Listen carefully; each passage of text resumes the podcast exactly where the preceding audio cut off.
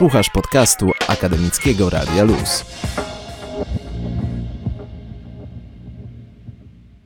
Jakub Korczyński i Michał Rypel, członkowie załogi Giant Laser, goszczą dzisiaj u nas w Radiu Luz. Dzień dobry panowie.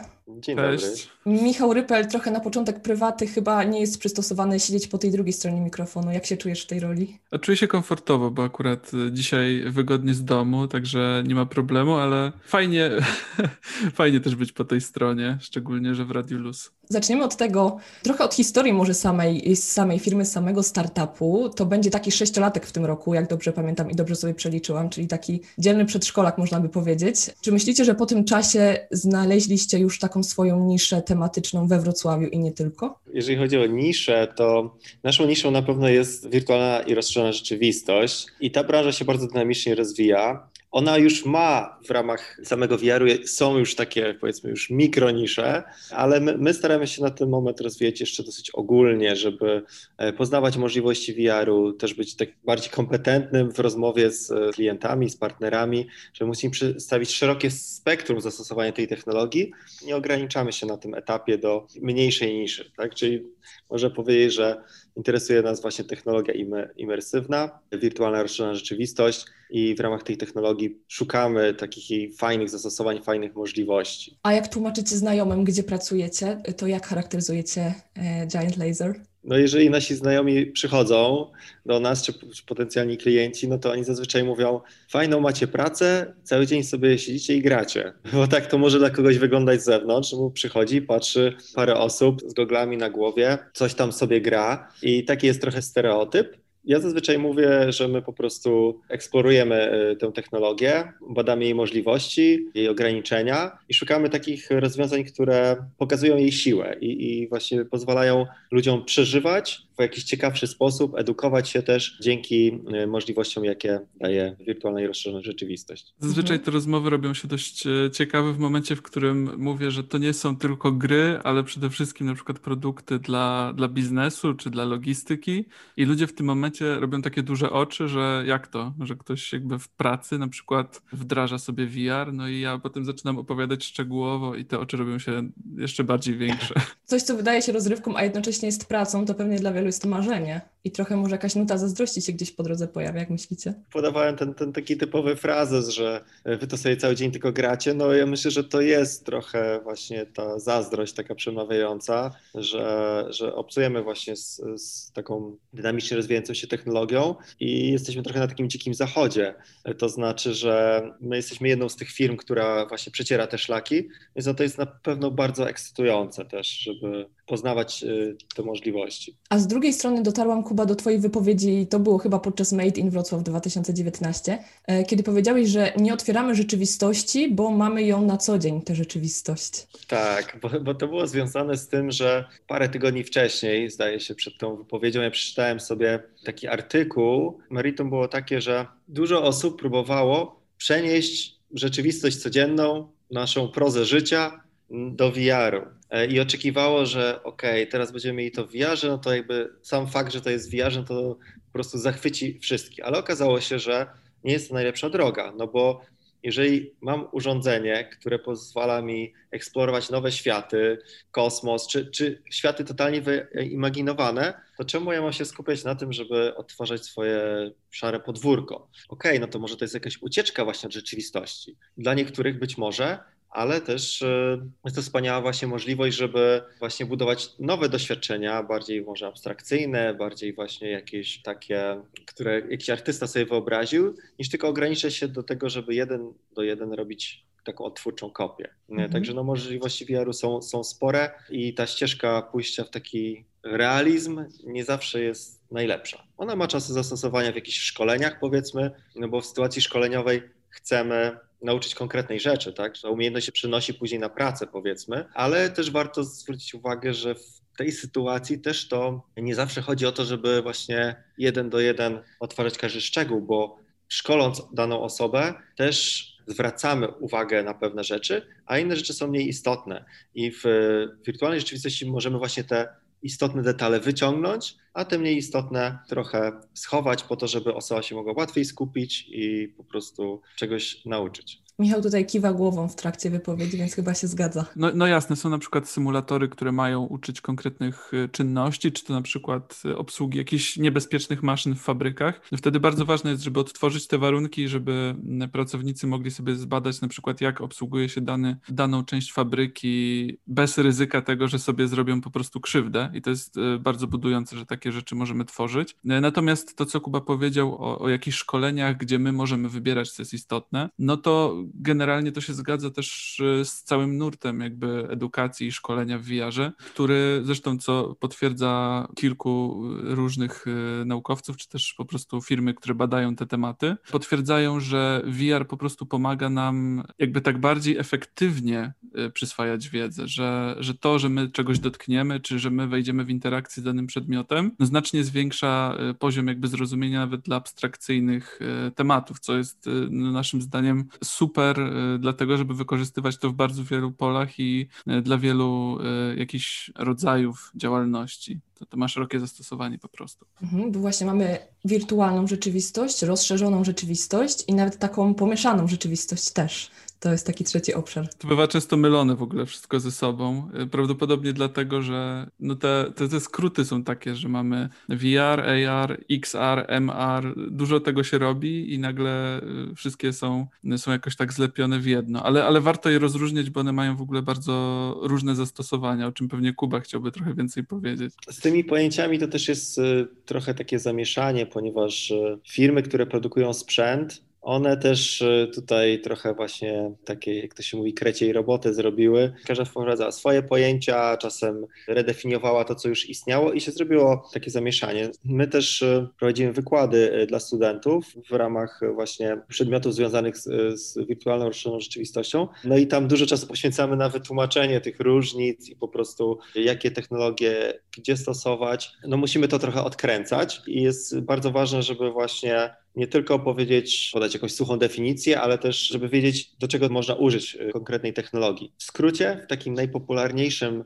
powiedzmy, naj, najprostszej definicji, no to byśmy mieli wirtualną rzeczywistość, czyli sytuację, w której mamy obraz symulowany przez komputer, również dźwięki, i my nie widzimy tego świata naszego realnego, tylko tę symulację i tam możemy mieć różne interakcje, poruszać się w tym świecie, grać, edukować się i tak dalej. Zwyczajowa z kolei definicja rozszerzonej rzeczywistości to będzie taki mechanizm, taka technologia, która nam pozwala do naszego realnego świata, czyli powiedzmy jestem w biurze, dodać elementy wirtualne, rozszerzające właśnie tę rzeczywistość, czyli powiedzmy Pokémon Go, tak? czyli tutaj grę, którą większość osób kojarzy, pojawiają się Pokémony w realnym świecie. I na koniec bym tylko dodał, jako podsumowanie tych, tych dwóch definicji, żeby też słuchacze mogli to sobie rozróżnić, że w naszej branży mówimy o pewnych spektrach, tak? czyli z jednej strony mamy rzeczywistość, zaczynamy dodawać tam właśnie różne elementy, obiekty 3D i interakcje i z czasem zabudowujemy ten cały świat, aż otrzymujemy wirtualną rzeczywistość, czyli to są, to są pewne spektra i te takie pineski, takie, takie właśnie łatki przypinane poszczególnym technologiom, no to to jest właśnie jakiś wycinek tego spektrum i w zależności od zastosowania po prostu po tym spektrum się y, poruszamy. Ale to, co jest myślę, że najistotniejsze, to jest, są to technologie, które dodają nam coś właśnie do rzeczywistości. Czyli z drugiej strony to jest też niesienie takiej misji, żeby młodym uświadamiać, co i jak działa i dlaczego warto to rozróżniać, nie? Jak najbardziej i też y, myślę, że dzielenie się taką naszą pasją po prostu. Chcemy przekazać też, też młodym właśnie, jakie to jest super, tak? Jakie to jest, to jest fajne i że jak bardzo twórcze, bo to, to co mnie się bardzo podoba w, w tej branży, dlaczego się ją zafascynowałem, jest to, że ona jest taka mega interdyscyplinarna. E, to znaczy, no, łączymy wiedzę z wielu dziedzin, bo mamy na poziomie sprzętu, to mamy i właśnie e, zaawansowaną elektronikę, i optykę, algorytmikę, to rozwiązanie, żeby to urządzenie działało. Później mamy te gry, ten, ten, te treści, ten e, content doświadczenia, które wymagają właśnie z jednej strony pracy programistów, grafików, artystów, koncept artystów, osób, które piszą fabułę, mnóstwo różnych e, takich dziedzin, żeby to wszystko połączyć i właśnie stworzyć takie doświadczenie, które finalnie człowiek będzie przeżywał, będą w tym emocje Czyli no takie naprawdę misja specjalna, żeby z tego, z tego gadżetu, z tych, z tych okularów tknąć w nie życie i stworzyć coś takiego, co ludzie po prostu zapamiętają i będą e, przeżywać. I przeżywają, myślę, i przeżywali e, trash rage, czyli takie wasze mocne wejście na rynek. E, o tym sobie też za chwilę więcej powiemy, ale bardzo dobrze mnie się to teraz skojarzyło w tej sytuacji, w której jesteśmy aktualnie, czyli NASA próbuje znowu zdobyć e, Marsa, pojawia się tam łazik na, na powierzchni i mnie się automatycznie przypomina trailer waszej gry, który mówi o tym, że kilku ocalałych uciekło na Marsa i teraz próbuje wrócić na Ziemię, żeby ją posprzątać. Czy jak tworzyliście ten koncept, to on był całkowicie science fiction, czy jednak pojawiła się jakaś taka myśl, że kiedyś coś takiego może nas spotkać? No tutaj z, z jednej strony no my chcieliśmy zwrócić uwagę na e, pewien e, problem. Takie też moje prywatne przemyślenie, myślę, że właśnie często właśnie tak patrzymy w te gwiazdy, chcemy dolecieć na tego Marsa, a często zapominamy po prostu o tym, co mamy już u siebie. Zaniedbujemy po prostu e, naszą planetę. Myślę, że właśnie takie przedstawienie e, tej sytuacji, no też zwraca uwagę na to, że okej, okay, może teraz właśnie wiedzeni taką ciekawością, jak to by było właśnie na Marsie i tym rozwojem nowych technologii, jak moglibyśmy skolonizować taką planetę, no zapominamy o tym, że pewnie jak ją już zdobędziemy, to pewnie będziemy chcieli wrócić do domu tutaj, gdzie, gdzie rozwinęła się ludzkość i czujemy się dobrze, to jest nasz dom, tak? Więc to było trochę takie powiedzmy filozoficzna taka przesłanka, a sama gra miała służyć i służy właśnie edukacji młodych ludzi na temat recyklingu i y, idea była taka, żeby nie odtwarzać rzeczywistości w VR-ze, żeby nie ściągać młodych ludzi, dawać im ten cały sprzęt i tą całą frajdę po to, żeby później im kazać sortować kuchenne śmieci. Byłoby to takie zastosowanie, do którego byśmy na pewno ich szybko zniechęcili, tylko dać im e, fajną grę, w ramach której właśnie wykorzystując ją można e, organizować wręcz turnieje tej gry, ale no, żeby oni się rzeczywiście czegoś mogli nauczyć. I z jakim e. feedbackiem się spotykacie właśnie wśród tych najmłodszych? Ja bym chciał jeszcze taką właśnie anegdotę podać z premiery tej gry, która odbyła się we Wrocławiu w Centrum Technologii Audiowizualnych. E, no, pierwszy raz zrobiliśmy e, show z, z tą grą Trash na taką skalę i też trochę zastanawialiśmy się, jak, jakie będą reakcje. Czy ten wątek edukacyjny rzeczywiście odpali, czy, czy właśnie młodzi, ale nie tylko młodzi, bo to też było otwarte dla wszystkich, e, będą się dobrze bawić. No i w momencie, kiedy po paru rozgrywkach, bo to było wszystko wyświetlone na takim dużym też ekranie, więc osoba była w goglach, a reszta obserwowała, jak ona gra. Po paru rozgrywkach cała ta widownia, tam było 250 osób, skandowało po prostu, a ten powiedzmy butelka to wrzucamy tu, plastik tutaj i podpowiadali właśnie grającym, no to wtedy poczuliśmy, ok, no jest efekt, tak, to, to, to działa. Jak to się przenosi później na codzienne życie, to by trzeba było zbadać, nie mieliśmy takiej okazji, ale tam wtedy na sali no wiedzieliśmy, że no część naszych założeń już została spełniona, tak? Bo po prostu młodzi to podchwycili i był właśnie bardzo fajny feedback po tym wydarzeniu. No, tym bardziej... podchwycił? Podchwycił. E, jasne, że podchwyciłem i wydaje mi się, że w ogóle jakby Trashage jest dobrym uzupełnieniem w ogóle tego, co w szkołach często jest jeszcze nieobecne do końca, czyli przedstawiania tematów y, przyrody, która jest obecna już y, we wczesnych latach w nauczaniu w szkołach podstawowych, ale później też na lekcjach biologii, no jednak tematy ochrony przyrody wciąż y, są takie zmarginalizowane i nawet temat sortowania odpadów, recyklingu, no wśród dzieci i młodzieży jeszcze potrzebuje właśnie tego, co chyba robi Trash Rage, czyli takiego popchnięcia i pokazania, że to jest rzecz ważna, że właśnie ten świat post-apo, który jest pokazany w naszej grze, on może się wydarzyć, że to nie jest science fiction tak do końca, bo to jest jakiś scenariusz, którego chcemy po prostu uniknąć i być może to, co, czego się nauczycie młodzi, będzie dążyło do tego, żeby właśnie ochronić planetę przed, przed zaśmieceniem po prostu takim bardzo, bardzo radykalnym. No i to, to jest też to, o czym mówił Kuba, czyli przedstawianie niedosłowne rzeczy, ale jednak przekazywanie bardzo dosłownych komunikatów. To tak po prostu działa. Wytworzycie mnóstwo projektów i współpracujecie z, z uczniami i ze szkołami też, z tego co wiem. Czy macie nadzieję na jakieś szersze współpracę w przyszłości, żeby to rzeczywiście był taki stały element zajęć, o którym powiedział Michał? Są jeszcze pewne tutaj, powiedzmy, wyzwania. W tym momencie coraz więcej szkół w Polsce, nie tylko za granicą, decyduje się na to, żeby zbudować e, takie laboratoria VR-owe, czy, czy doposażyć pracownie w sprzęt VR-owy. Gdzie właśnie coraz więcej studentów i uczniów będzie mogło skorzystać z, z, tej technologii. No i to się dzieje. Im po prostu będzie większy dostęp do sprzętu, również w domach, no to tym te nasze rozwiązania też e, będą mogły dotrzeć do większej ilości osób. Także no, mamy nadzieję, że po prostu szkoły, które będą chciały właśnie zapewnić e, swoim uczniom, studentom tego typu rozwiązania, nie będą bały się wejść w tę technologię i skorzystają z jej dobrodziejstw i zdecydują się na to, żeby,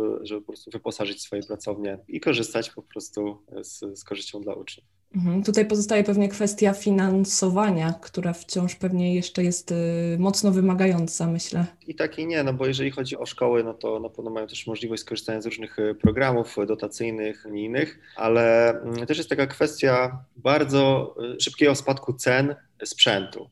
To znaczy, no jakbyśmy rozmawiali powiedzmy 4 lata temu, to taki sprzęt VR z możliwością właśnie interakcji, no to to był koszt no spokojnie powyżej 10 tysięcy złotych, bo tam trzeba było kupić i komputer, i sprzęt, i specjalne statywy, stacje bazowe, to było też trudne do konfiguracji. W tej chwili już taki zestaw domowy, no to to już jest koszt 10 y, razy mniejszy. I on też y, pod pewnymi względami ma fajniejsze własności i możliwości. Także no, ten sprzęt bardzo szybko też tanieje. I 4 lata temu właśnie rozmawialiśmy z, z uczelniami, z klientami o tym, żeby zrobić jedno stanowisko w firmie i tam zrobić jakiś y, program szkoleniowy. To tak już od dwóch lat to w zasadzie już wszyscy chcą mieć ileś tych stanowisk. Po prostu jest niższa cena, można w tym samym budżecie bardziej doposażyć sobie taki, taką pracownię czy, czy, czy pokój z VR-em, więc to też, też tutaj się, się zmienia i, i jakby to finansowo jest coraz łatwiejsze. Na pewno, żeby spróbować, to, no to, już ta bariera jest, jest bardzo niska. Ale myślę, że też w tym momencie ta edukacja, o której rozmawialiśmy, nie tylko dla uczniów, studentów, ale też użytkowników dość powszechnie ona jest przydatna, no bo trendy są takie, że ten sprzęt robi się coraz lżejszy i też sprzętowo coraz mniej wymagający, jeżeli chodzi o przestrzeń. Tak naprawdę firmy produkują teraz tego rodzaju na przykład gogle VR-owe, które pozwalają tak naprawdę wejść do mieszkania z takimi goglami, założyć je i nie zmieniać w ogóle nic e, specjalnie w ułożeniu takiego na przykład salonu, więc ta dostępność też jeżeli chodzi o, o łatwość wdrożenia czegoś takiego nawet na potrzeby jakieś takie prywatne, no jest e, o niebo, o niebo lepsza niż, niż była parę lat temu, co wiąże się z tym, że więcej osób może się na coś takiego zdecydować, co wiąże się z kolei z tym, że przyda się im po prostu wiedza, jak z tego korzystać i co mogą z tym zrobić. Nie? Czy myślicie, że jest szansa na to, żeby takie gogle to był taki stały element naszego wyposażenia, nie wiem, w torebce u kobiety albo u mężczyzny gdzieś pod pachą i wychodzenia z tym gdzieś? Moim zdaniem to do torebki raczej takich gogli nie włożymy, raczej to będą takie lekkie okulary, być może kiedyś soczewki, gdzie będziemy mieli właśnie dostęp do tych rzeczy, które mamy często na telefonie po prostu. I one będą w zasięgu naszego wzroku czy słuchu no, po prostu na bieżąco, nie będziemy musieli z tą wygiętą szyją cały czas lukać na, na telefon, tylko będziemy mieli po prostu dostęp do tych mm, informacji. A, a takie gogle właśnie, y, które dają już możliwość głębszego wejścia do świata wirtualnego, no myślę, że to będzie po prostu y, powszechne urządzenie, y, tak jak teraz jest smartfon. Czy dla Was technologicznie coś jest przeszkodą albo dużym wyzwaniem w tworzeniu takich projektów, w planowaniu, w wymyślaniu tego, co jeszcze można stworzyć?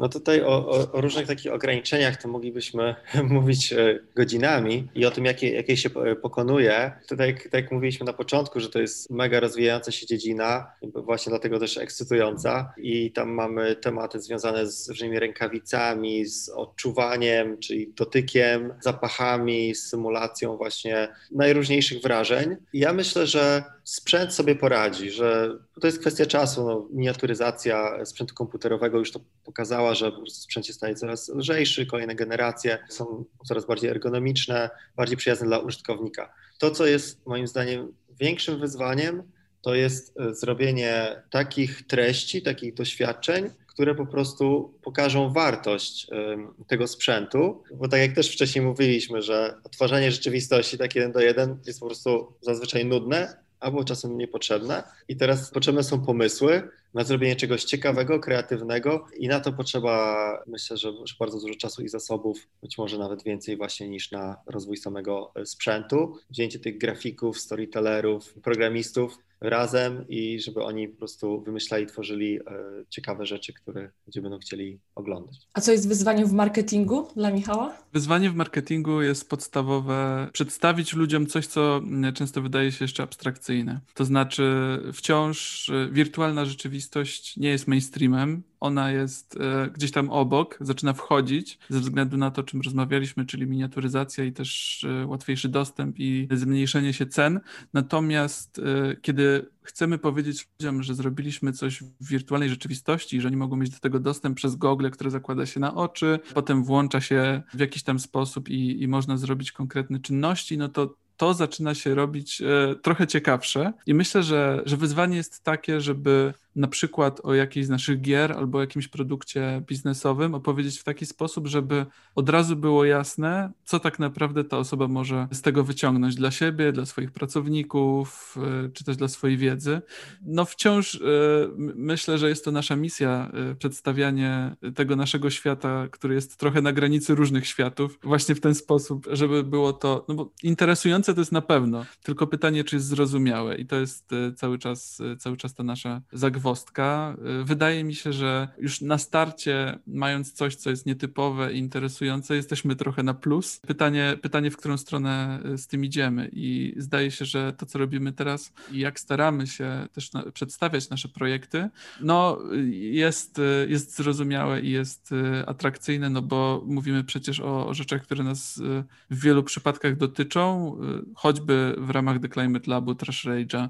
Jest to ochrona przyrody i środowiska, która przecież e, no, dotyczy nas wszystkich właśnie. Ale dostajecie pewnie odpowiedzi od swoich odbiorców, które świadczą o tym, że zrozumieli. Zdecydowanie. Myślę, że w ramach gier to, to na pewno jest to też środowisko, do którego docelowo chcemy dotrzeć i to są już ludzie w miarę wy, wyedukowani, doedukowani. Myślę, że ciekawsze jest komunikowanie dla biznesu czy dla y, potencjalnych współpracowników, klientów, coś y, z czym na pewno mierzy się Kuba niejednokrotnie. Można powiedzieć, że właśnie biznes jest, jest tutaj bardzo wymagający, no dlatego, że się w dużej mierze liczą cyfry, tak? To znaczy, no wprowadzając po prostu jakieś rozwiązanie do firmy, chcemy mieć rezultat. Czasem jest to wprost, y, to znaczy, że powiedzmy jakaś sprzedaż, i wtedy jest to stosunkowo łatwo policzyć, ale czasami może to być, mogą to być rzeczy związane z bezpieczeństwem w firmie. Tutaj okazuje się, że wirtualna rzeczywistość świetnie służy właśnie w przemyśle wykorzystywać ją do szkoleń, ponieważ mamy sytuację typu, że mamy jakąś jedną super drogą maszynę,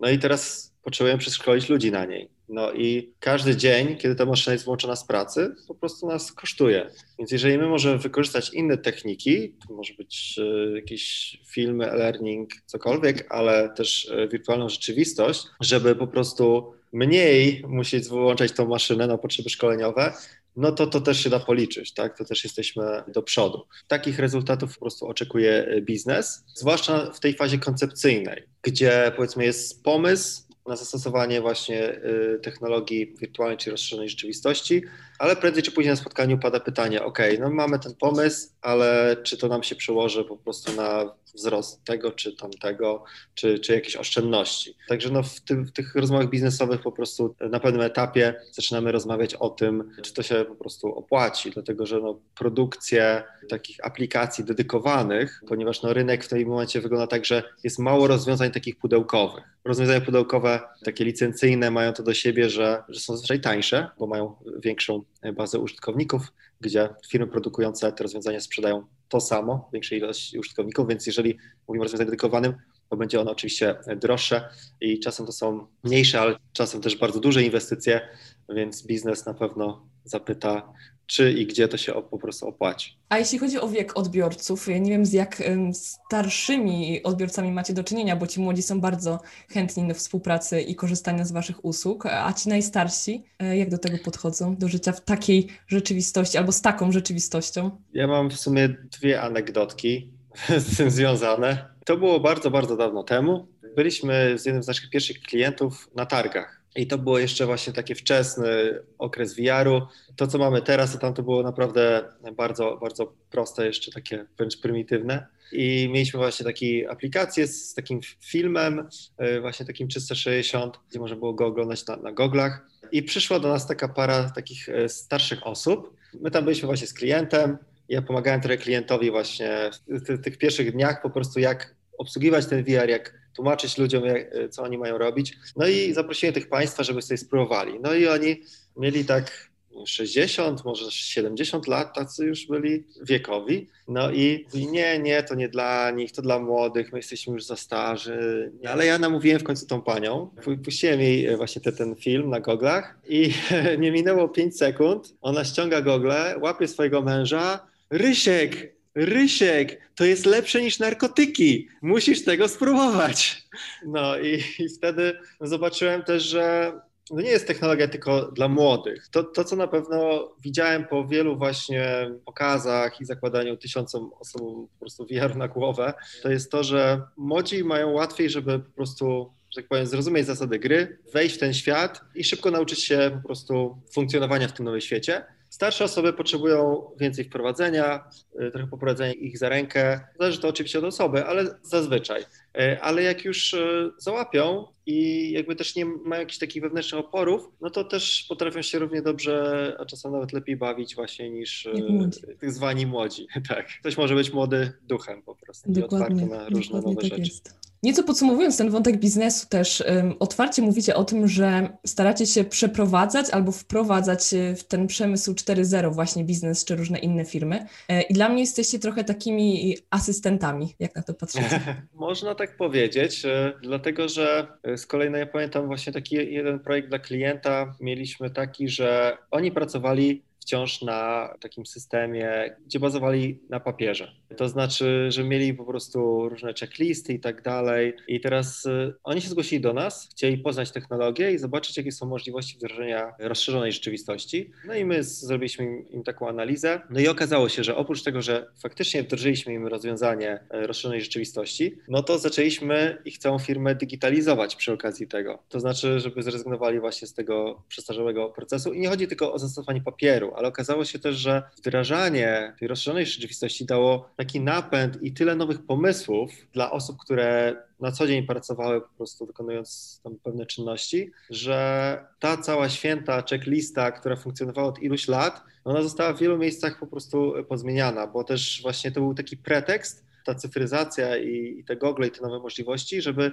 przemyśleć to od nowa. I te przemyślenia myślę, że były jak najbardziej z korzyścią dla pracowników, którzy e, też mam wrażenie zostali wysłuchani wreszcie, bo oni mówili, a tak my mówiliśmy, że to warto z tego zrezygnować i przy okazji właśnie tego procesu cyfryzacji e, wejścia w Industry 4.0 to po prostu wyszło, więc tutaj parę rzeczy udało się zrobić za jednym zamachem, można tak powiedzieć. Wydaje mi się, że Kuba się tutaj odnosi do tego, do tej technologii smart glass, czyli do tego, że po prostu mamy takie urządzenie, które chyba większość osób kojarzy z Google Glassami, chociaż to całkiem inne, jakby na całkiem innym sprzęcie pracowaliśmy, które wyświetla po prostu wprost do oka, no cóż, widzimy wszystko, ale do oka dostajemy jeszcze dodatkowy content, tutaj akurat w postaci takiej checklisty. I oprócz e, tego, że wyeliminowany został właśnie papier, no to po prostu tego rodzaju rozwiązania też e, zmniejszają szanse na błędy ludzkie, które są na przykład w logistyce, gdzie to było wdrażane bardzo poważnie traktowane, więc to było dość interesujące chyba, chyba w tym projekcie, że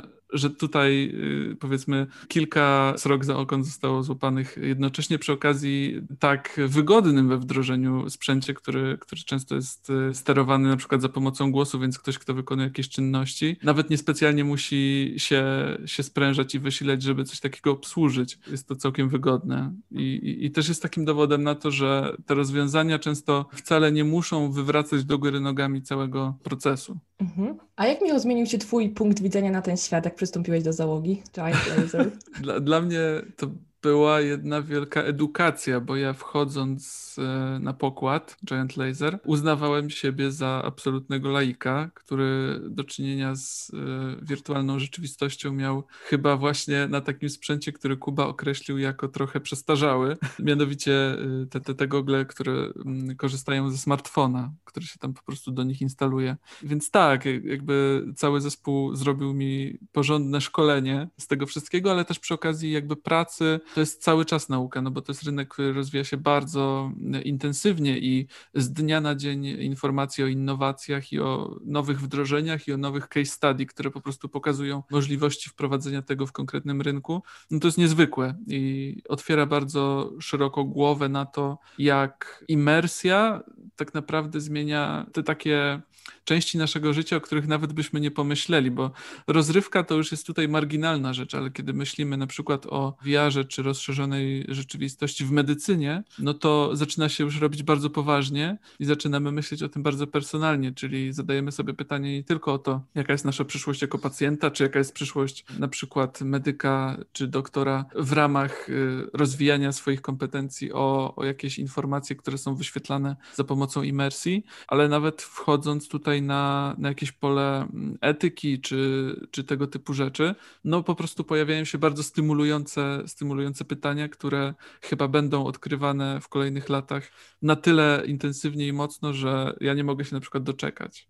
To wtedy znowu się spotkamy, żebyście trochę znowu nam rozjaśnili w kolejnej rozmowie, ale teraz jak już tak Cię wyedukowali, to dzięki temu mogłeś też z, z lepszą mocą i z lepszą wiedzą przystąpić do Waszego najnowszego projektu, Waszego najnowszego dziecka, czyli Climate Labu, prawda? Bo też tam się bardzo mocno angażujesz z tego, co słyszałam już po drodze.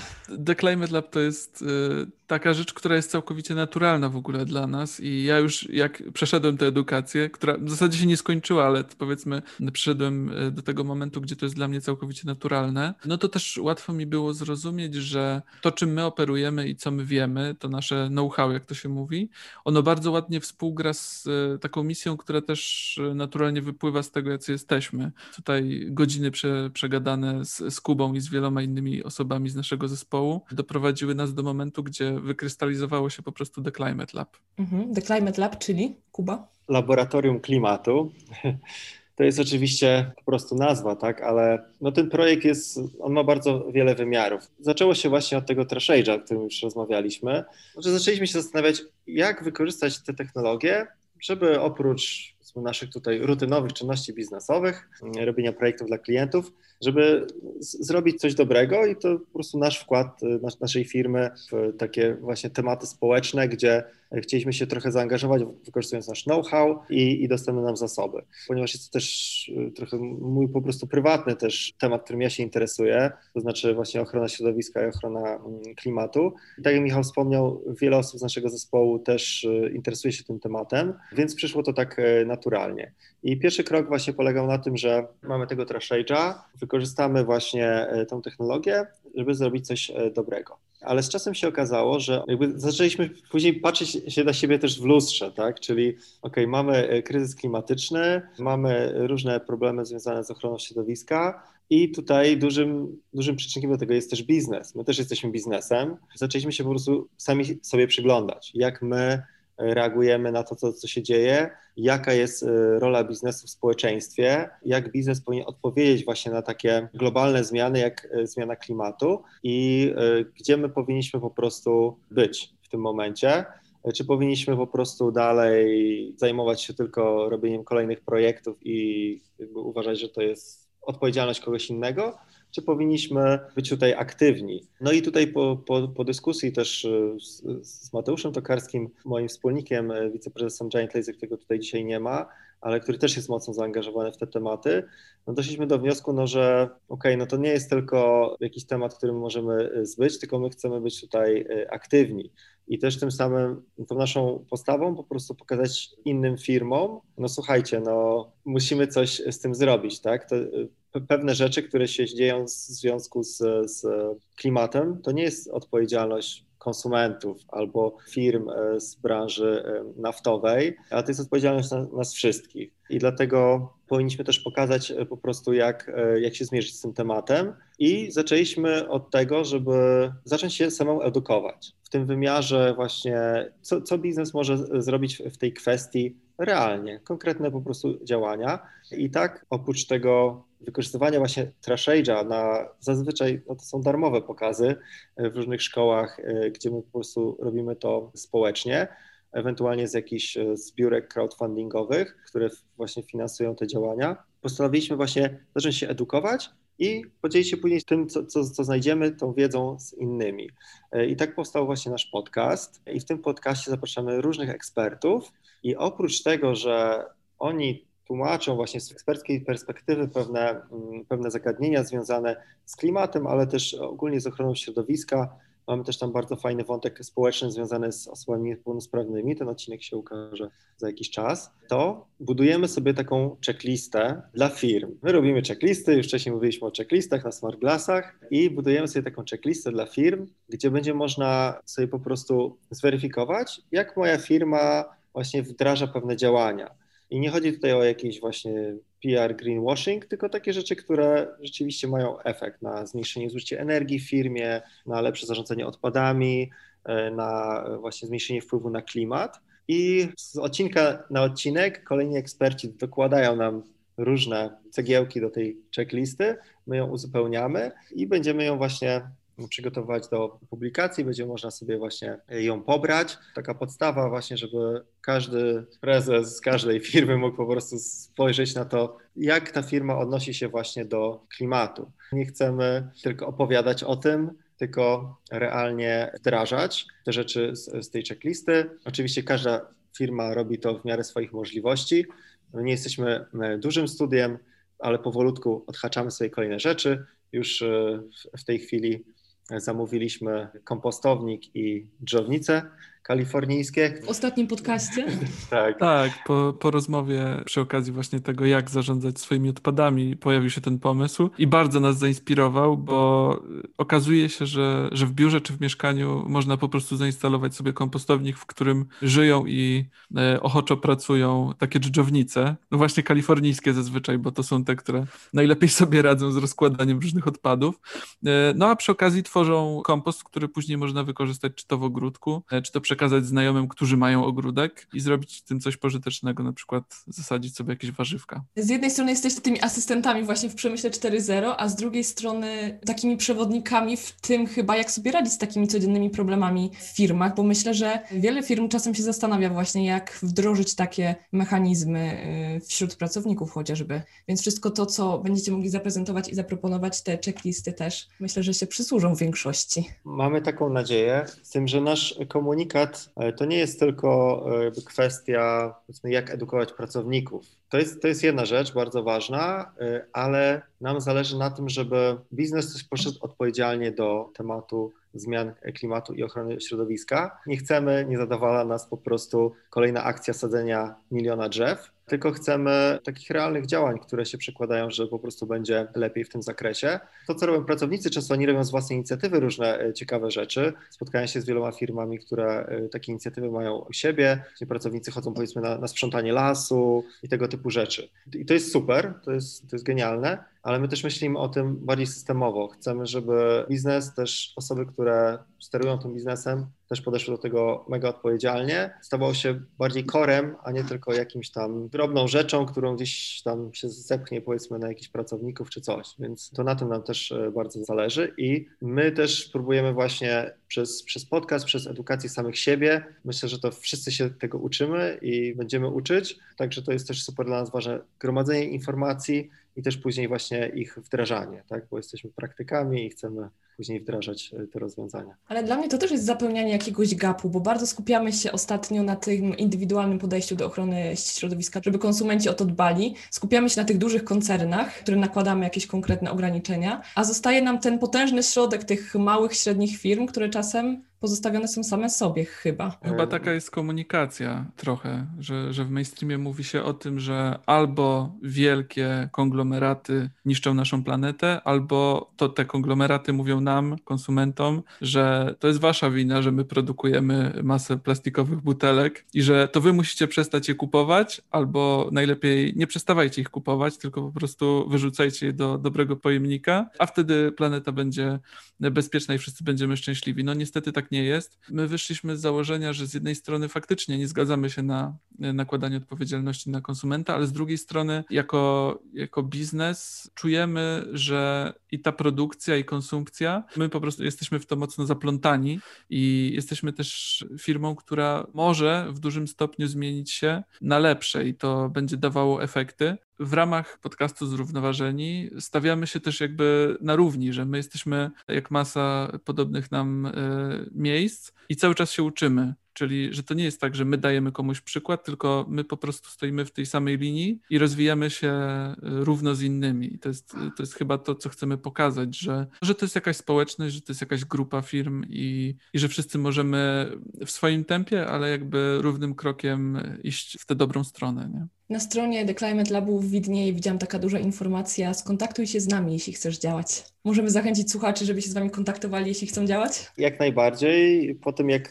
ruszyliśmy właśnie z, z podcastem, ze stroną, bardzo dużo mamy już różnych firm, czy osób indywidualnych też, które się z nami kontaktują i są to bardzo ciekawe rozmowy i ta potrzeba właśnie edukacji i, i to, jak my właśnie też y, szukamy tej wiedzy, okazuje się, że jest dużo firm, instytucji, które też mają ten sam problem, tak, że są świadomi y, często y, właśnie potrzeby działania, jeżeli chodzi o ochronę klimatu, ale nie, nie mają wiedzy, tak, bo y, jedno to jest taka świadomość na przykład z punktu widzenia fizyki czy chemii, co się dzieje z naszą planetą, kiedy emitujemy dwutlenek węgla. To jest jedno i najlepsi w propagowaniu tej wiedzy są naukowcy bo oni mają dane, oni potrafią wytłumaczyć, przekazać. No ale później my, czy to właśnie e, obywatele, czy, czy później e, osoby, które właśnie działają w różnych przedsiębiorstwach, mniejszych, większych, no okej, okay, to co, co mamy zrobić, tak? No bo to jest pewien układ, który e, mamy zastany i jest bardzo ciężko, żeby jedna osoba jakby tutaj dużo zmieniła, więc jest, jest potrzebne przede wszystkim działanie wszystkich, i właśnie to, żeby no, wzajemnie się wspierać. Więc my bardzo otwarcie tutaj przyjmujemy wszelkie osoby, które się z nami kontaktują, rozmawiamy wspólnie i dyskutujemy właśnie o tym, jak, co my możemy zrobić. Dzielimy się naszą wiedzą. Jesteśmy naprawdę zaskoczeni też właśnie ilością już osób, które się do nas y, zgłaszają i te dyskusje są bardzo ciekawe i myślę, że to będzie dawało taki napęd dla Climate Labu, żeby on po prostu się rozwijał tak, jak e, tego potrzebujemy my, tak jako społeczność biznesowa i też społeczność obywatelska. Ale też podoba nam się to, że te kontakty, które się wytwarzają przy okazji nagrywania podcastu Zrównoważeni, one później też żyją. No, przykładem jest e, choćby ZO Wrocław czy Fundacja DODO, no bo dzisiaj tak naprawdę jest premiera drugiego odcinka, który dotyczy ochrony zagrożonych gatunków i tego, jak my w ogóle sprawiamy, że one stają się zagrożone i w jaki sposób możemy coś z tym zrobić. Dochodzimy do momentu, gdzie pojawia się odcinek, ale też y, pojawia się bardzo ważna data, bo jutro jest Światowy Dzień Pangolina, y, czyli takiego zwierzaka, który jest y, chyba symbolem tego, jak ludzie